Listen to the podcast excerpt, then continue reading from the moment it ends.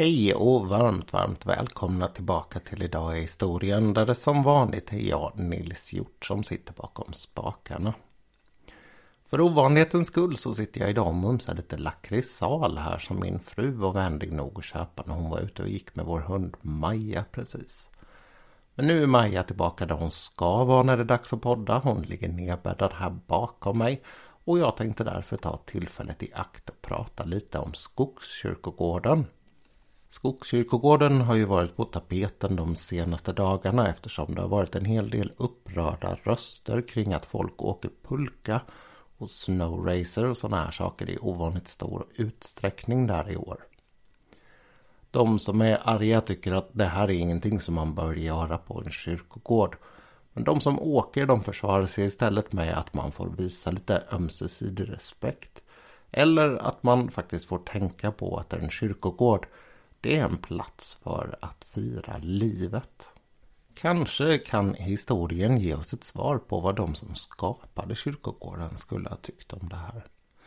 I vilket fall som helst så tycker jag att det är ett alldeles utmärkt tillfälle att prata lite om en av, ett av Sveriges viktigaste byggnadsverk. Så utan vidare presentationer så hoppar vi rakt tillbaka till året 1912.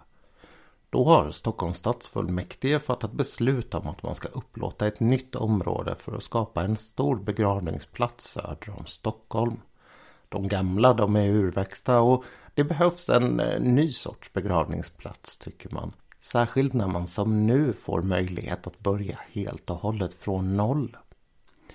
Den här platsen den väljs också bland annat för att det är lätt att bygga där.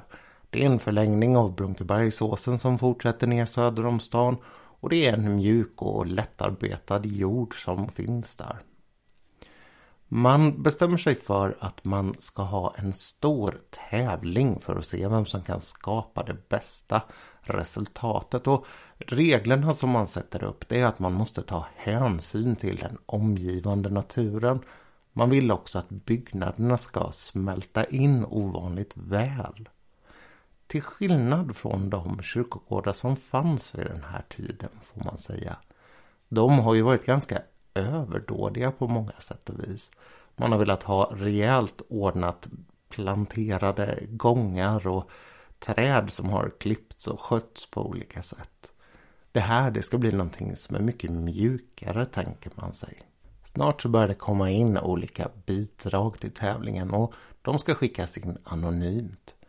Sammanlagt så kommer det komma in ungefär drygt 50 stycken. Men det finns lite bekymmer här.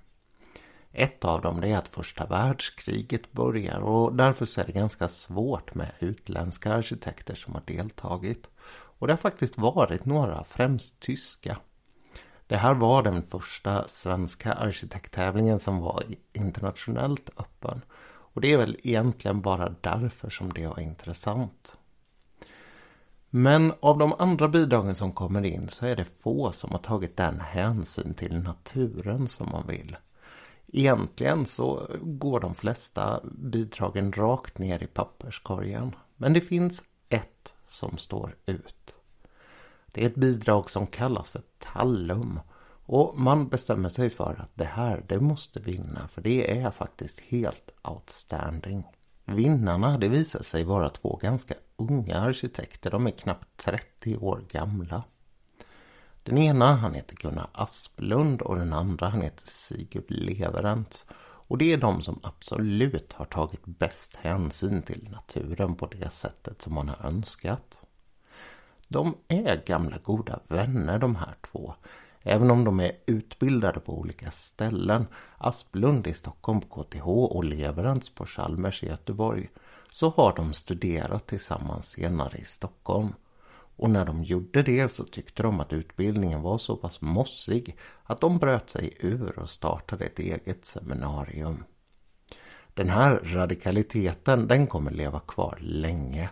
Vi är nu på 1914-1915. Men de kommer vara ledande inom den svenska arkitektgruppen ganska långt framöver i tiden. De båda unga arkitekterna sätter omedelbart igång med att omarbeta sitt förslag på det sättet som Stockholms stad vill ha det. Det blir en del udda avbrott i det här arbetet också. Ett av dem är när Gunnar Asplund har gjort klart det som idag är Skogskapellet. Han är precis på väg att gifta sig och ger sig iväg på bröllopsresa därefter. Men när han besöker Mön i Danmark så ser han ett hus där som bara fångar honom sådär som vissa hus kan göra om man har det intresset. Han tycker att det här är så fantastiskt och så inspirerande att han avbryter sin bröllopsresa för att åka hem och rita ett helt nytt förslag. Och det är det huset som står där idag. Ett hus som fick en hel del häftiga små dekorationer på sig. Jag är väldigt förtjust i vad som på latin kallas för memento mori. Sådana här eh, påminnelser om att man en vacker dag kommer att dö. Och på det här huset så finns det en insk inskription. Idag jag, imorgon du. Och det tycker jag faktiskt är en ganska härlig eh, påminnelse i ett sånt här sammanhang. På huset så fanns det också en eh, dödsängel. Och den här ängeln var förgylld och gjord av Carl Milles. Det var Gunnar Asplund som kände en hel del konstnärer och som såg till att de var med och smyckade alla husen på kyrkogården. Den här ängeln den är dessvärre stulen sedan 2017. Och det är ju bedrövligt när folk ger sig på och stjäl i kyrkor och på kyrkogårdar. Medan Asplund var upptagen med att mestadels ta hand om byggnaderna så till största delen tog Leverens hand om landskapet. Han planerade hur man skulle plantera och han planerade också gångar och höjdskillnader och olika sådana här saker som skulle påverka hur personer som rörde sig i landskapet skulle se det.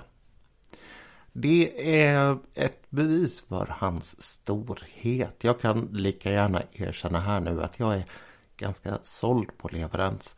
Men det är ett bevis för hans storhet att man inte riktigt tänker på att allting är planerat när man rör sig runt på kyrkogården.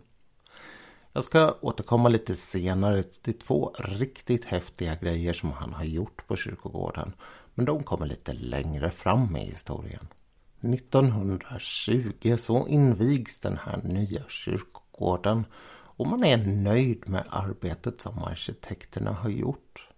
De kommer att fortsätta framåt här nu i år och bygga på liknande sätt. Leverens han tar hand om ett hus, det huset som idag heter Uppståndelsekapellet. Eller ja, det har ju hetat så hela tiden. Och fortsätter samtidigt med att eh, planera naturen. Runt omkring kyrkogården så började också vid den här tiden att byggas en mur. Den börjar man bygga på 1923 och man gör det som ett nödhjälpsarbete. Det här var en tid där man tyckte att arbetslösa de skulle ut och arbeta om de skulle förvänta sig någon hjälp. Och i Stockholm så fanns det en hel del arbetslösa som behövde det och då fick de bygga den här muren. Den är 3,5 kilometer lång ungefär, lite drygt till och med. Och den är byggd av rejält stora stenblock. De är dragna på plats med hästar och lyfta med en ganska enkel konstruktion. Det som är imponerande med den här muren, förutom dess ståtlighet och det här lugnet, åtminstone jag tycker, att en mur som ringlar sen urminnes tider genom ett landskap kan ge. Det kanske bara är smålänningen i mig, men jag tror inte att det är så. Jag tror att det är därför man har valt att ha en sån här mur runt också. Och som sagt, den här muren den är byggd så som man gjorde förr. Det betyder att muren den går lika djupt ner under marken och är dessutom bredare där nere än vad den är över marken. Tänk på det om ni någon gång går nära den och tittar på den. Det är alltså dubbelt så mycket mur som du ser. Men eh, det tog också tid. Sammanlagt tio år att bygga den här muren. Samtidigt så hade man ganska dåligt med pengar för att bygga på kyrkogården och det står till stor del stilla här. de båda arkitekterna de har arbeten på andra håll under tiden. För eh, Asplunds del så tillhör de mer kända sakerna att han gjorde Skandiabiografen inne i Stockholm. Och där gjorde han ju som han gjorde på så många ställen att han även ritade inredningen. Och det var med glädje jag kom till huset som jag sitter i här nu. Kvinnan som vi köpte det av var väldigt intresserad av konst och olika typer av formgivning. Och över sitt köksbord så hade hon en Skandia-lampa. Den lampan som Gunnar Asplund ritade för den här biografen och som fortfarande tillverkas idag. Asplund han har ju också gjort Stockholms bibliotek och det är någonting som han höll på med vid den här tiden också. För Leverents så var arbetet till största delen nere i Malmö. Han ritade där på Malmö Östra kyrkogård men också på det som idag är Malmö Opera. Tillsammans så jobbade de också på det som blev Stockholmsutställningen 1930. Och den som lyssnar återkommande på den här podden vet att jag är svag för den utställningen. Gunnar Asplund han var där huvudarkitekt. Och det är han som har hållit i hela områdets utformning och i vilken stil saker och ting skulle byggas. Leverens han fick där istället ansvar för utsmyckningen på olika sätt och det är han som har gjort logotypen för Stockholmsutställningen. Det är också han som har gjort den här höga reklammasten som blev så känd och som är så läcker på alla gamla bilder. På sitt sätt så var det här svansången för arkitektduon. När man skulle sätta igång igen med eh, Skogskyrkogården och avsluta den, kröna den och fullborda den med den stora huvudbyggnaden så hade det blivit bekymmer. Asplund han hade 1931 blivit professor på KTH och var firad. För Leveren så hade det inte blivit riktigt likadant. Han var egensinnig men framförallt väldigt, väldigt envis och det här hade gjort honom något impopulär. Han kunde vara svår att arbeta med och han drog ganska ofta över både budget och tid. Och när man skulle fortsätta bygga på kyrkogården då sa man att man ville inte ha honom kvar. Egentligen så var det båda arkitekternas jobb som hängde löst. Men näste starke man kliver in på plan här. Yngve Larsson, en milstolpe i det stockholmska politiska livet. En av de verkligt stora och kanske den första verkligt stora under den moderna demokratiska tiden. Vi behöver inte fördjupa oss i honom här för det tänker jag göra i en framtida podd. Men jag kan säga att jag är tämligen förtjust i den mannen också även om jag långt ifrån delar alla hans uppfattningar. Han har varit inblandad i de flesta stora grejer som byggs i Stockholm. Och han är också intressant på det sättet att han med tiden blev motståndare till Norrmalmsregleringen. Alltså det som vi idag kallar för rivningsraseriet. Den som tog över efter honom blev betydligt mer känd, Hjalmar Mer. Men här är vi en bra bit ifrån det tidiga 70-talet och frågorna de var helt andra när eh, Yngve Larsson trädde in på plan här 1934 tror jag det är.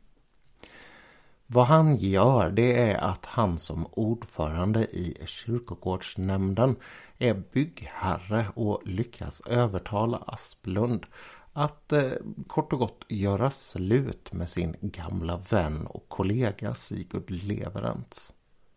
Larsson han förklarar att kyrkogården den måste göras färdig på det sättet som är planerat och att han absolut inte kommer kunna få båda två att stanna kvar och därför vill han att Asplund stannar själv. Det här det leder till att Asplund gör som Larsson vill och att Leverens och Asplund aldrig mer träffas. Sveket tar Sigurd Leverens väldigt hårt och Den brevkorrespondens som följer i den här frågan är tydligen väldigt, väldigt bitter. Han får sig en knäck i hela sitt yrkesliv verkar det som och kommer tillbringa ett tiotal år med att sitta och främst rita inredningsbeslag. Han kommer i och för sig att göra en rejäl comeback senare men dit har vi inte riktigt kommit ännu. Istället så är det Asplund som får helt fria händer att göra den här stora huvudbyggnaden som återstår på Skogskyrkogården.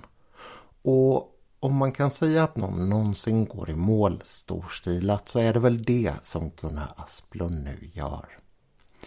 Det här huvudhuset är ju hyllat inte bara i Sverige utan internationellt och jag skulle anta att det fortfarande är vårt internationellt sett mest kända byggnadsverk.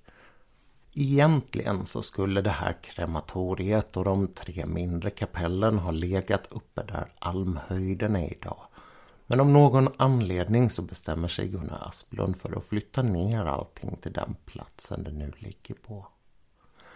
Där så bygger han in det i naturen på ett fantastiskt sätt. Och husen de får den där typiska för funkisen enkelheten som är så fylld med mängder av små detaljer som du inte tänker på förrän du kommer riktigt nära. För min del när jag satt och läste om det här nu så var det en nyhet att den här uppståndelseskulpturen som står utanför den eh, är från Stockholmsutställningen 1930.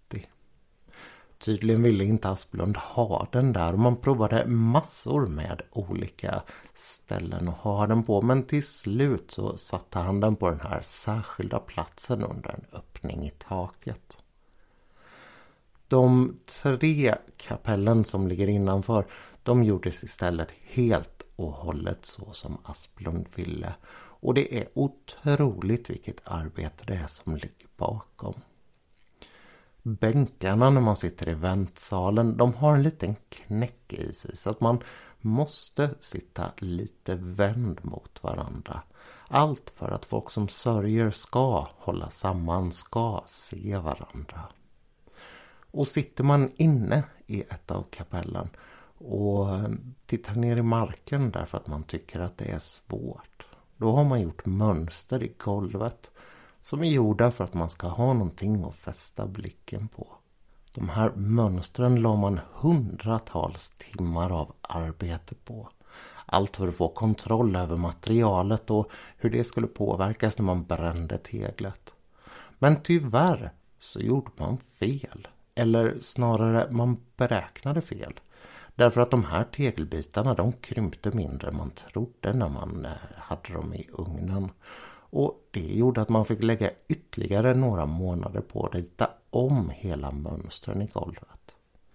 Allt för att sörjande skulle kunna sitta där, som jag sa, och ha någonting att fästa blicken på.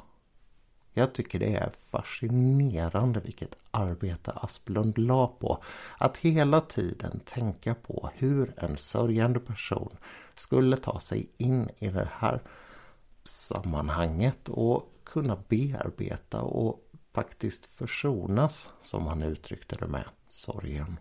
Så länge han jobbade ihop med Leverant så hade den här känslan också gått igen i landskapet utanför.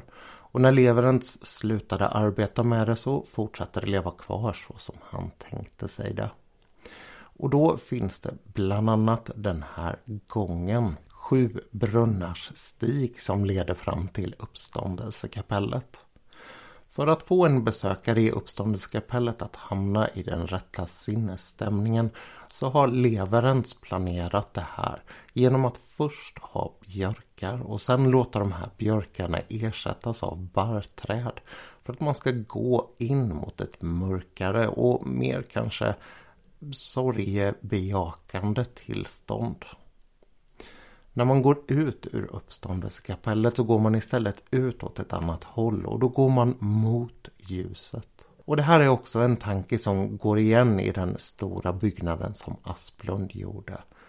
Det är helt och hållet tänkt att det ska vara mörkt och lite dunkelt där inne. Och när man sen kommer ut och är klar med jordfästning eller snarare begravningsceremoni så ska ljuset möta de samlade. En eh, annan fascinerande grej och det här som jag sa tidigare med leveransplanering av eh, den omgivande naturen. Det är almhöjden, det man ser lite bortanför sig när man rör sig utanför de här kapellen. Både Asplund och Leverens var väldigt förtjusta i Caspar David Friedrich, den tyske romantiske målaren. Och den här höjden, almhöjden med sina tolv almar, den är baserad på en bild av Caspar David Friedrich. Det är otroligt läckert att se de här lagda bredvid varandra. Bilder på Almhöjden och bilder på den här tavlan. Och det är otroligt fascinerande att det faktiskt finns en levande del Caspar David Friedrich, om ni förstår vad jag menar, i Stockholm. Det Sigurd Leverentz kanske inte riktigt hade planerat in där, det var de där pulkaåkarna som åker upp och ner på hans skapelse.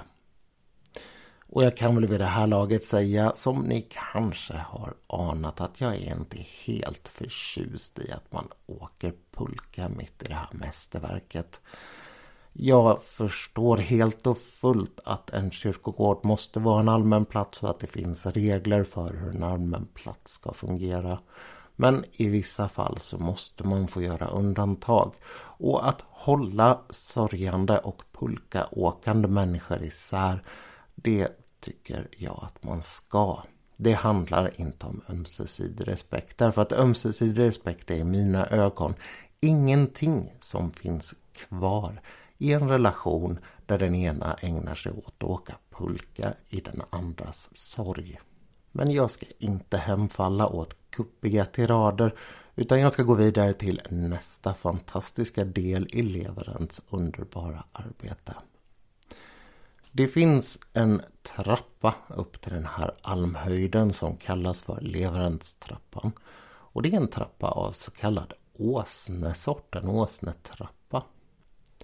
Det innebär att trappan den får lägre trappsteg ju högre upp man kommer. Allting för att det ska bli lättare att gå i den och för att man inte ska bli så trött när man kommer upp mot toppen. Hur härlig är inte en sån tanke?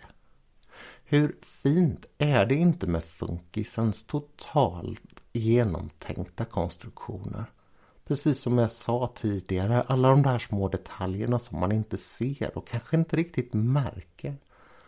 Men som kroppen känner när man går upp för en trappa.